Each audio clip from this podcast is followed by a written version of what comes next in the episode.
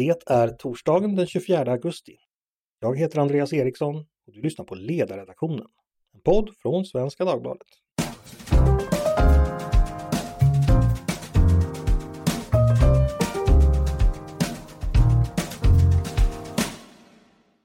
Varmt välkomna till oss igen. Hur mycket påverkar de svenska utsläppen klimatet? Det är förstås en avgörande fråga när den svenska klimatpolitiken ska utformas. Hur gör man för att räkna ett lands klimatutsläpp på det mest rimliga och mest rättvisa sättet? Det är på samma sätt en viktig fråga för att kunna jämföra länder och ytterst skapa förutsättningar för såväl enskilda länder som världen som helhet att kunna begränsa och minska sina utsläpp. Det här ska vi prata mer om idag. Eh, jag tror att många av er som lyssnar känner till att det finns en diskussion om olika beräkningsmetoder. Nu ska vi få lära oss lite mer av dem eh, samt få höra ett förslag på hur man skulle kunna räkna på ytterligare ett sätt. Och med mig för att göra det har jag två gäster. Astrid Kander som är professor vid Ekonomisk-historiska institutionen vid universitetet i Lund. Välkommen hit Astrid! Tack ska du ha! Och så Nils Brown, utredare på SCB som jobbar med just den här typen av beräkningar där. Välkommen du också Nils! Hej! Eh, anledningen till att vi är här och att vi gör den här podden det är att du Astrid eh, skrivit en rapport för en tankesmedja som heter EPHI. Det utläses Environment and Public Health Institute. Där du föreslår ett nytt mått som vi bör använda för att beräkna klimatutsläpp och följaktligen också utgå från när vi själva utformar den politik som ska ligga till grunden för Sveriges klimatomställning. Och Astrid, jag tänkte bara börja med, med bakgrunden. Hur, hur kom det sig att eh, du skrev den här rapporten? Jag har på forskat om det här i ett antal år eh, och eh, skrivit en del vetenskapliga artiklar. Det som engagerar mig och som jag gör att jag tycker det är en väldigt politiskt viktig fråga, det är att eh, jag tycker det är viktigt att vi har mått i Sverige som visar att visst, vår import gör klimatskada utomlands, men det är också så att vår export faktiskt gör klimatnytta utomlands så att det behöver också synliggöras. Så det är därför jag skrivit rapporten. Man behöver helt enkelt veta vilka avtryck vi gör för att kunna utforma den bästa politiken. Annars så ja, annars kan man göra fel helt enkelt. Ja, annars blir det lätt så att om man bara har det här så kallade konsumtionsmåttet eller koldioxidfotavtrycket och ska utforma politik gentemot det, då, då blir det lätt så att man försöker att minimera importen så mycket det bara går därför att den är eh, väldigt koldioxidintensiv därför att våra länder som vi handlar med är, eh, har en sämre produktionsteknik och eh, eh, mer koldioxidintensiv eh, elproduktion än vad vi själva har. Det kan mm. lätt leda till att man ja, bestämmer sig för att vi ska dra ner på importen så mycket som möjligt och det innebär i så fall också att vi måste dra ner på exporten för inget land kan så att säga ha jättemycket export och ingen import. Mm. Vi, vi, ska snart gå in och du ska förklara i detalj hur du tänker men ytterligare lite bakgrund. Jag tror att många känner till det här med Eh, att man kan räkna på olika sätt. Att man, man förr ofta räknade då med eh, produktionen, alltså de koldioxidutsläpp som själva landet ger upphov till, men att man numera också räknar med utifrån konsumtion då, allting vi konsumerar, hur mycket koldioxidutsläpp har det lett till? Astrid, kan, kan du bara berätta lite skillnaden mellan de här metoderna och varför man har gått över till konsumtionsbaserade? Ja, eh, alltså det är fortfarande så att eh, det produktionsbaserade eller om vi tar det lite enkelt och säger att det är ungefär detsamma som det territoriella, det som, är, det som sker inom ett lands gränser.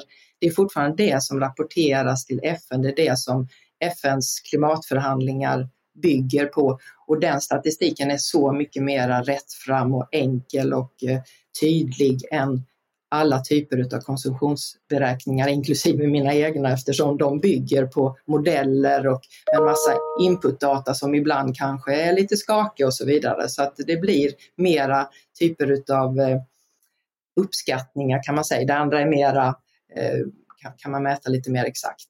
Ja, ska vi vara supertydliga här, den, produktions, eller den territoriella, det är helt enkelt varje enhet av eh, koldioxid och andra klimatpåverkande utsläpp som, det kan man mäta, det är mer fysiskt att säga det som finns inom Sveriges gränser. Ja, därför att man, vi vet ju till exempel hur mycket, det är ganska lätt i ett land som Sverige därför att vi har ju ingen egen oljeproduktion. Vi importerar all olja och all olja som vi använder inom landet det ger koldioxidutsläpp så det är ganska lätt att räkna ut hur mycket det blir. Men då har man också då börjat övergå eh, och också vid sidan av det här prata om konsumtionsbaserat mm. För att det finns en, ja det finns ju anledning till det.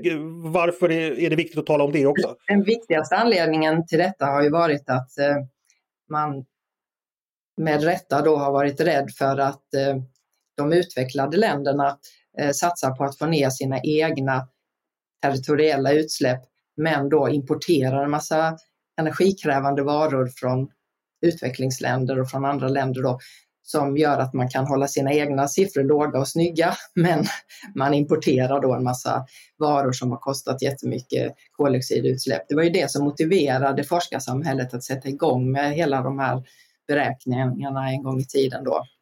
Mm. Räknarna konsumtionsbaserade.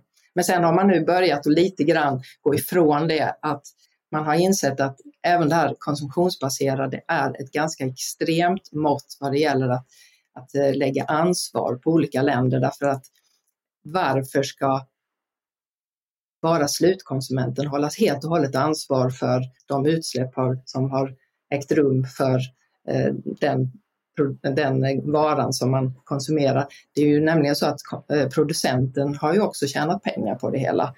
Så varför ska inte de hållas också på något sätt ansvariga? Så att det har kommit allt mer inom forskningen nu, olika mått där man försöker fördela ansvaret mellan producenter och konsumenter på något vis. Och då kan man säga att det här nya måttet som jag eh, och några kollegor då har utformat, det är en variant där man fördelar ansvaret eh, mellan producenter och konsumenter. Mm. Ryan Reynolds här från Mint Mobile. Med priset på nästan allt som går upp under inflationen, trodde vi att vi skulle bring våra priser down. So to help us, we brought in a reverse auctioneer, which is apparently a thing. Mint Mobile unlimited premium wireless. Ready to get 30, 30, bit to get 30, bit to get 20, 20, 20, bit to get 20, 20, bit to get 15, 15, 15, 15 just 15 bucks a month. So, Give it a try at mintmobile.com/switch. slash $45 up front for 3 months plus taxes and fees. Promo rate for new customers for limited time. Unlimited more than 40 gigabytes per month slows. Full terms at mintmobile.com. Vi ska släppa in Nils här. Eh, du jobbar ju precis med det här på, på SCB. Kan du berätta eh, från din sida, hur jobbar ni med att beräkna Sveriges klimatutsläpp? Eh, är det både producent och, och konsument ni beräknar? Absolut, jag kan, jag kan berätta lite brett om eh, de eh, utsläppsmåtten eh, som vi använder. Eh, det är klart att eh, är, det, eh, är det någonting viktigt som pågår i världen och i samhället ehm, såsom eh, växthusgasutsläpp så är det viktigt att även ha ett flertal olika mått som är anpassade mot behoven. Um, och därmed um, är SCB med och tar fram uh, den officiella statistiken uh, så som den nu är vad gäller växthusgasutsläpp. Och det är lite som Astrid har sagt, det är det territori territoriella utsläpp, det är de utsläpp som uppstår eh, inom Sveriges gränser eh, där ehm, vi och eh, det svenska folket, den svenska regeringen ehm, har, har, har rådighet att agera och ehm, eh, applicera lagar eh, som kan leda till eh, att uppnå de uppsatta klimatmålen och så vidare. Sen arbetar vi även med produktionsbaserade mått som Astrid nämnde eh, där lite kort. Eh, och produktionsbaserade mått det är egentligen ett mått på eh, de direkta utsläpp som kommer från den svenska ekonomin. Ehm, det vill säga svenska företag och hushåll. Um, och för att kunna komma dit från territoriella utsläpp så egentligen måste man ta bort utsläpp som kommer från um, utländska företag som, um, som har verksamhet i Sverige. Och det gäller framförallt um, uh, transportföretag. Uh, till exempel utländska flygföretag som har eh, inrikesflyg eh, i Sverige eller eh, åkeriföretag eh, som kör lastbilar i Sverige exempelvis. Och sen lägger man till internationella transporter för att komma till produktionsbaserade mått. Så det är lite skillnad på det här territoriella och det produktionsbaserade, det, det ska man också hålla isär alltså? Ja, precis. precis. Att, eh, alltså kvantitativt så, så, så leder det till att de produktionsbaserade mått är ungefär 10% högre. Okay. Um, lite mellan tummen och pekfinger. Men, men Nils, är det inte så också att man lägger till de utsläppen som svenska företag, eh, alltså som ägs av svenskar i utlandet också ger upphov till då?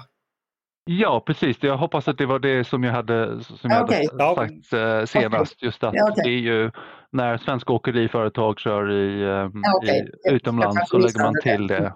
Och ja. internationella resor eh, av svenska företag. Då är vi med och sen konsumtionsbaserade, hur, hur, hur, hur, gör ni där? Precis, och med konsumtionsbaserade eh, utsläpp så utgår vi från eh, miljöekonomiska modeller eh, som har funnits i eh, mer än 50 år eh, ursprungligen och under de senaste 20 åren så har det ju pågått ehm, en väldigt kraftig utveckling eh, vad gäller, både vad gäller data eh, och metoder för att eh, kunna göra sådana beräkningar. Eh, och det är sådana beräkningar som ehm, Astrid och hennes kollegor eh, har också gjort. Um, och uh, starten för att vi skulle ta fram officiell statistik i området det kom med ett stort forskningsprojekt som var finansierat av Naturvårdsverket uh, mellan 2015 och 2018 som heter PRINCE-projektet. Uh, och därmed kom vi fram till en metod där vi kunde kombinera både den officiella um, miljö och ekonomisk statistik som SCB e tar fram och uppdaterar varje år med riktiga värden för um, utsläpp och ekonomisk produktion i utomlands som är viktigt för att kunna räkna rätt på de utsläppen som uppstår från Sveriges import. Går det att säga någonting, hur pricksäkert är det här? Finns det några välkända felkällor som man måste ta, ta hänsyn till? Um, jag skulle säga att eh, det som, när vi gör våra beräkningar, det som vi, det som vi ser de största skillnader på det är just utsläpp som eh, uppstår från icke-förbränningsrelaterade källor. Det vill säga när man har fossila bränslen och, eh, och bränner upp dem så finns det ju bra siffror och det är relativt lätt att följa flöden av um, ja, eh, gasform, gas, vätska eller eh, fasta bränslen eh, så att säga. Och det finns stora intressen med att mäta dem eh, med tanke på att det är folk som äger den här energikällorna med mera. Men när det gäller eh, utsläpp från övriga källor, ehm, inte minst från jordbruket, idisslande djur, ehm, gödslad, gödslad odlingsmark ehm, och sen vid utvinning av fossila bränslen utomlands det är där eh, vi ser eh, större osäkerheter helt enkelt. Mm. Men då är det hög tid för dig Aska att berätta om det här nya måttet som då förkortas TCBA och på svenska blir det då teknologijusterade klimatfotavtrycket har ni väl översatt till. Berätta Astrid, vad är det för mått och hur fungerar det? Ja, det är ju som framkommer av själva titeln, det är också ett konsumtionsbaserat mått. Och eh, det ger Sverige eller varje land då ansvar för det, det som vi menar att man kan påverka, det vill säga eh, omfattningen och sammansättningen och tekniken för allting som vi, det som vi använder här i Sverige, både det som vi har producerat för eget bruk och det som vi importerar. Det får vi ta fullt ansvar för, precis vartenda ton som släpps ut för det. Men det som eh, vårt mått då gör annorlunda mot de andra konsumtionsbaserade måtten, det är att det har adresserat, vårt mått har hanterat en blind fläck, så, så som andra forskare uttryckte eh, i den tidigare forskningen, nämligen exportens teknik. Därför att vi menar att man har också rådighet, som land har man rådighet över vilken exportteknik man använder. Det kan inte vara rimligt att Kina kan tillåtas hålla på med sin eh, koldioxidintensiva eh, produktion och sen lämpa över hela ansvaret på de mottagande länderna för detta. De som de säljer till så att säga, utan det måste på något sätt, eh, Kina måste hållas ansvarig för att man använder en produktionsteknologi som är långt under världsgenomsnittets teknologi. Och likadant länder som då är, ligger i framkanten som Sverige ska få någon slags cred för att man eh, använder sig av en eh, mera koldioxidsnål elproduktion och en bättre produktionsteknologi eh, generellt. Så att vi har, vi har, liksom, vi har angripit ett, ett av forskarsamhället erkänt problem läng, som, som man länge har erkänt är ett problem att, att eh, teknologin för exporten är så att säga en blind fläck och vi har lyckats lösa detta då eh, genom att eh, lägga in detta i, i konsumtionsmåttet. Men man kan inte lägga in det så att man räknar också alla exportutsläppen. Därför att om man räknar alla exportutsläppen och alla importutsläppen, då räknas utrikeshandeln dubbelt. För om jag säljer någonting till dig och du köper det utav mig, det är ju samma vara och samma utsläpp. Det kan man inte räkna två gånger. Det hänger ni med på va? Mm, nej, jag så det man måste göra då det är att man måste eh, istället ha ett slags en benchmark, att man tar någonting som man räknar om det här landets produktionsteknik är bättre eller sämre än något slags genomsnitt då. Och det är det som eh, vårt mått gör och det gör att vissa länder får eh, credits och andra får penalties och de summerar till noll. Det vill säga att hela systemet blir additivt. Det, det blir liksom inga, inga utsläpp för exportsektorn. Alla utsläppen hamnar på importsektorn precis som de gör eh, i det vanliga konsumtionsmåttet. Alla som har med utrikeshandeln att göra. Jag tror att eh, Nils fattar detta. Jag vet inte, jag hoppas att det blir någorlunda tydligt. Det är lite svårt att, förklara det men eh, jag, jag, jag, jag, behöver nog reda ut det lite bättre för att helt begripa. Om vi tar då att eh, ett litet land som Sverige då som ja. tillverkar en bil med då kommer energin från vattenkraft eller vindkraft eller kärnkraft där så att säga, inte är några klimat eh, koldioxidutsläpp inblandade. Ja. Så har, vi en bil färdig då. Och så ett annat land då exempelvis Kina som producerar samma bil men då har man eldat massa kol för att driva mm. drivlinan och så här och alltså mm. påverka klimatet. Mm. Då ska alltså Sverige när man säljer samma bilar på världsmarknaden ska Sverige då belönas för att vår bil, eller det svenska företagets bil, inte har gjort samma klimatavtryck som den kinesiska bilen. Kan man, ja, kan man säga så? Alltså om vi, säger, om vi bara säger, vi tar något exempel, vi kan, vi kan säga med det där bilexemplet, säg att Sverige har en, exporterar en bil och den, eh, för, eh, när den tillverkades så släpptes det ut ett ton mm.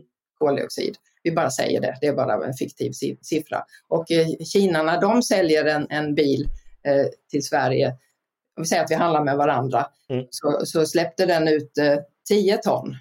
Och så säger vi att världsgenomsnittet ligger på, på 5 ton. Mm. Då får Kina behålla ansvaret för det som de ligger över. De får så att säga, de får behålla 5 ton i sitt eget land ansvar för det, det som de ligger över, de 10 tonnen minus de 5 tonnen, det får de behålla ansvaret för, för sin export. Medan Sverige, trots att vi bara släppt ut ett ton, så får vi räkna bort då ytterligare 4 ton därför att det är den, de negaemissionerna, den klimatnytta vi gör på världsmarknaden genom att tillhandahålla produkter som är eh, bättre än världsgenomsnittet. Då.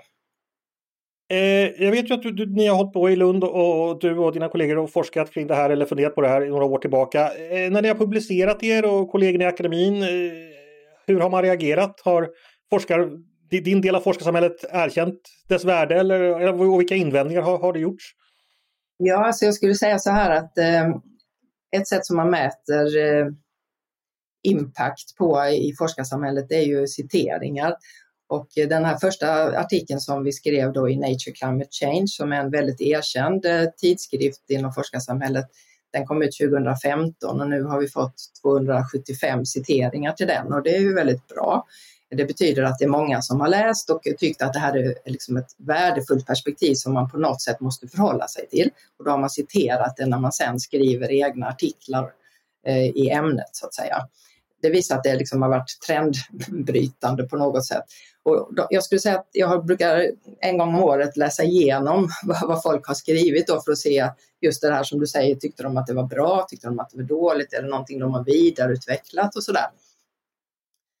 Och eh, jag skulle säga att en del eh, har nog bara precis liksom nämnt det eh, i förbigående, andra har eh, nämnt att det är en del av eh, ja, något, någonting positivt, att man behöver ta hänsyn till det här med teknikjustering eh, eller teknikskillnader mellan länder i, i exportsektorn. Eh, och eh, ytterligare några, bland annat nu någon eh, som jag såg och blev glad alldeles nyligen, några holländska forskare som nyligen kom ut med en artikel där de, de har helt och hållet anammat vårt, vår metod, vårt sätt att tänka, men de har gjort en liten justering som jag tror tror var bra. Och det är att de har, förutom att vi, vi har tittat på koldioxidintensitet och energiintensitet och jämfört det mellan olika länder då. De menar på att man ska inte bara titta på det utan man ska också titta på eh, eh, produktionsreceptet och se att det kan också se olika ut i olika länder. Det vill säga ett visst land kanske använder mera stål eller, eller så för att tillverka sin bil än ett annat land. Jag tror att mycket av det fångar vi upp ändå, men eh, det som deras metod löser på ett lite mer elegant sätt än, än vår metod, det är att eh, ett land som Sverige som har så el, koldioxidfri elproduktion, eh, då kan man säga att i varje vara så i Sverige då så går det in si och så mycket kärnkraftsel, si och så mycket vattenkraftsel och så vidare och att det är produktionsreceptet för en svensk vara. Och om man jämför det då med produktionsreceptet för en utländsk vara som har då mycket kolkraft istället för sin el och så vidare. Så, eh, vi, vi, löste det istället genom att eh, vi sa att el är el, det är, det är samma sak, så oavsett vad det är för teknik så ska man lägga ihop elsektorn till en sektor och jämföra koldioxidintensiteten i svensk elproduktion med kolintensiteten eh, i ett annat lands eh, elsektor. Då. Men det, det, blev liksom, ja, det fungerar, båda sätten fungerar, man kan bara tycka att deras kanske är lite mer elegant. Ja, men okej, eh, låter som det är i alla fall positivt bemötande där. Jag ska bara nämna att den här rapporten vi pratar om, den heter Svensk exports klimatnytta 1995 till 2020, eh, alltså skriven då av Astrid och då har vi medförfattare där också som heter Victoras Kulionis. Eh, och så kan man förstås då söka på ditt namn i forskningsdatabaser eller på Google Scholar och så, så kan man hitta ja, det mer akademiska där ifall man vill. Vi kan flytta tillbaka till dig Nils. Eh, vad tänker du om det här sättet som, som, som Astrid beskriver det teknologijusterade klimatfotavtrycket? Vilka fördelar respektive eventuella nackdelar skulle du säga att det har jämfört med andra mått? Uh, först skulle jag vilja säga ett uh, eh, stort tack till Astrid uh, och kollegorna som, som har gjort eh, så bra forskning. Eh, och det är klart, jag håller med om att det är jättebra att eh, forskningen har publicerats i sådana välkända tidskrifter som Nature Climate Change eh, och så. Så att eh, det är jättebra forskning. Eh, jag, eh, jag tänker att det är väldigt väl resonerat just ehm, anledning till att man har velat utveckla det här måttet också i forskningsartiklar som vi läser. Så tack så jättemycket Astrid. Um, bra jobbat. Um, sen ska vi också uh, säga att uh, inom ramen för vårt arbete så, så har vi pratat uh, mycket med um, människor som kan vara tänkbara användare av statistik inom området för att få höra vad de tycker. Jag tänker att det är även intressant att kunna komma från det perspektivet. Då vi har haft nyligen en workshop där vi bjöd in forskare, representanter för näringsliv, Ehm, eh, statliga myndigheter och även ehm, miljöorganisationer eh, för en diskussion och samtal om ehm, möjligheter för att mäta exportens klimateffekter. Eh, och det som kom från dem det är just för, först det här just att um, man är positiv till att det kan finnas en mått som kan uppmuntra till uh, produktion med låg um, koldioxid eh, eh, eh, och växthusgasutsläpp. exempelvis och exemplen som lyftes på workshopen det var just de här satsningar på koldioxidfri stålproduktion där det finns ett flertal projekt som pågår i Sverige just nu. Ehm, och det kom från, inte bara från näringsliv men även från miljörörelser också. Um, sen uh, ytterligare en synpunkt som har, som har kommit, uh, inte, minst, inte minst från forskare, är just att uh, något som är bra med um, metoden som, eh, som man har tillämpat för det här teknologi, teknologi, teknologijusteringen är att man fortsätter ha det här livscykelperspektiv, det vill säga man avser att titta på det hela värdekedjan eh, för produktion av eh, varor och tjänster och inte minst exportvaror. Så det är, ehm, det är en ja, fördel med metoden ehm, skulle man också säga. Ehm, och sen, sen har vi också hört ehm, Eh, från andra och även om man tittar på hur företag räknar eh, på lite olika sätt. Sen så, på, eh, sen så uttrycker man att det är ju viktigt eh, eh, att kommunicera till användare exakt vad de här måtten kan betyda och hur de kan komplettera varandra. Och då kan man göra en liknelse med hur företag ehm, som engagerar sig för, för, klimatfrågor, det är allt fler företag som gör det, som rapporterar ehm, ja, deras växthusgasutsläpp som använder olika kategorier eh, för eh, ja, deras ansvar och relation eh, till växthusgasutsläpp. Där de är även intresserade i exempelvis eh, att jämföra utsläpp från deras produkter jämfört med utsläpp från konkurrenterna. Och, så.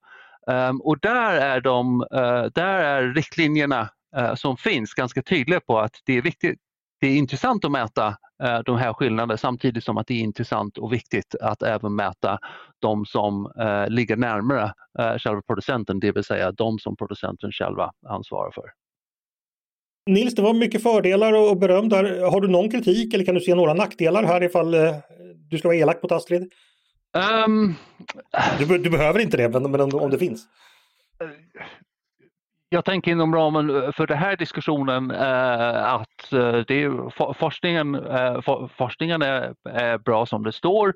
Eh, jag tror att jag kan säga att ehm, som forskare har man ett annorlunda uppdrag eh, än en statistikproducent. Eh, och jag tror att jag kanske är lite avundsjuk på Astrid som kunde räkna och publicera siffror för världens alla länder eh, i, hennes, i hennes arbete och säga ja, men så här mycket är utsläppen för Kina.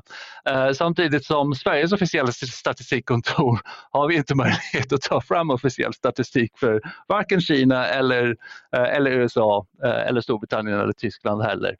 Um, så att det, är, det är en problematik som vi står inför när vi producerar uh, statistik. Det är just att vi vill göra det på ett sätt som är jämförbar med andra länder och alla länder måste komma, samman, komma tillsammans och vara överens uh, om när de producerar statistik.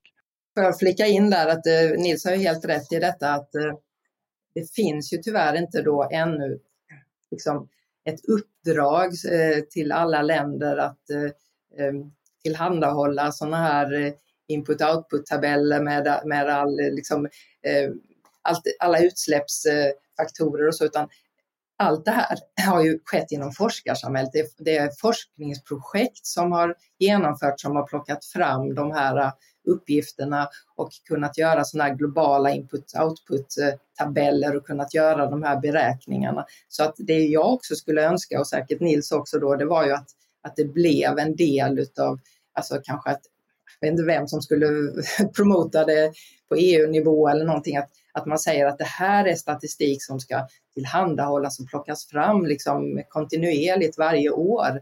För att det är först då som man kan egentligen kräva att det ska komma in i den eh, nationella statistiken på ett, eh, på ett uppdaterat sätt varje år. Nu slutade våran studie här 2020 och som vi skrev där, det var ändå vissa svårigheter med, med en del av datan och sådär men i stort sett så funkar det att göra fram till dess. Mm. Får jag fråga vad, vad, bara vad, vad det här visar eh, med det här måttet? Ökar eller minskar Sveriges eh, eller klimatutsläpp enligt din beräkningsmetod och i så fall hur mycket? De minskar eh, och det är väl ändå positiva nyheter. De minskar faktiskt med, inte bara för Sverige utan även för, för andra, för EU-länder och för för USA. Det minskar eh, med alla måtten, alltså med det produktionsbaserade, med det konsumtionsbaserade och med det teknologijusterade. De befinner sig på olika nivåer och minskningstakten kan variera lite grann, men alla måtten går ner och det är ju i sig ett väldigt gott tecken och det betyder ju att våra utsläppsminskningar enligt produktionsmetoden eller de territoriella de beror inte på att de utvecklade länderna lever på de eh, utvecklingsländerna så att vi så att säga skyfflar över våra utsläpp till dem. Om alla måtten går ner så går det ju faktiskt åt rätt håll, det kan man säga. Men det går inte tillräckligt fort. Nej, det, det, det, det är ju ett problem i det här sammanhanget.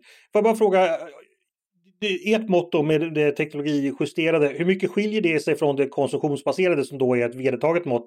Är det så att Sveriges eh, avtryck minskar i, i, i snabbare takt enligt, enligt det? Nej, det gör det inte, men nivån är ju väldigt annorlunda. Så att eh, man kan säga att eh, eh nivån på de här teknologijusterade ligger ju mera i, i linje med de eh, produktionsbaserade något över eh, om, om vi räknar på liksom realistiska antaganden om, om vilka länder eh, som vi handlar med och vilken produktion som trängs ut.